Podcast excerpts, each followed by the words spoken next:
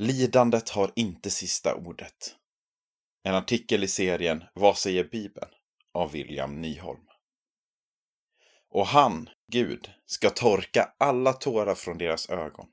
Döden ska inte finnas mer och ingen sorg och ingen gråt och ingen plåga. För det som förr var är borta. Uppenbarelseboken kapitel 21, vers 4. Lidande och svårigheter är någonting som varje människa som levt på jorden har varit tvungen att hantera. Men det är inte någonting som fanns i Guds ursprungliga skapelse. I Bibelns början berättas det om hur de första människorna sätts i Edens lustgård. In i en tillvaro där de bokstavligt vandrar med Gud och allt är frid och fröjd. Men i och med syndafallet förstörs denna tillvaro och död, smärta och svårigheter kom in i världen. Här hade det kunnat vara ridå. Men ondskan ska inte få sista ordet. Gud ger nämligen Adam och Eva ett löfte om en räddare som ska komma och besegra det onda. Denna seger skedde genom Jesus död och uppståndelse. Dock har denna seger ännu inte kommit i sin fullhet. Lite som om du skrapat en trisslott och vunnit 10 miljoner. Du har redan vunnit.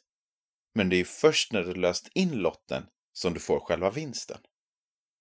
Djävulen vet att han är besegrad och har en begränsad tid kvar. Därför försöker han extra mycket att dra människor bort från Gud.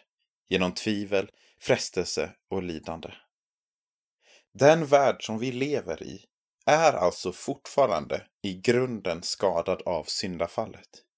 Ja, till och med var och en av oss har syndens skador i vårt innersta. Därför möter vi fortfarande lidande, fast Jesus redan vunnit. Men denna världen kommer inte att vara för evigt. En dag ska Jesus komma tillbaka och fullborda sin seger över djävulen och allt ont. Död, sorg, gråt, ja, allt lidande kommer för evigt att försvinna. Det onda kommer istället ersättas med något nytt. En ny värld.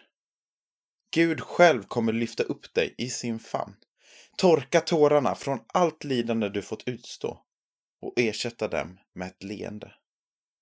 Det ska åter bli som det var från början, innan ondskan kom in i världen. Vi ska återigen leva i den nära harmoni med Gud som han skapade oss till.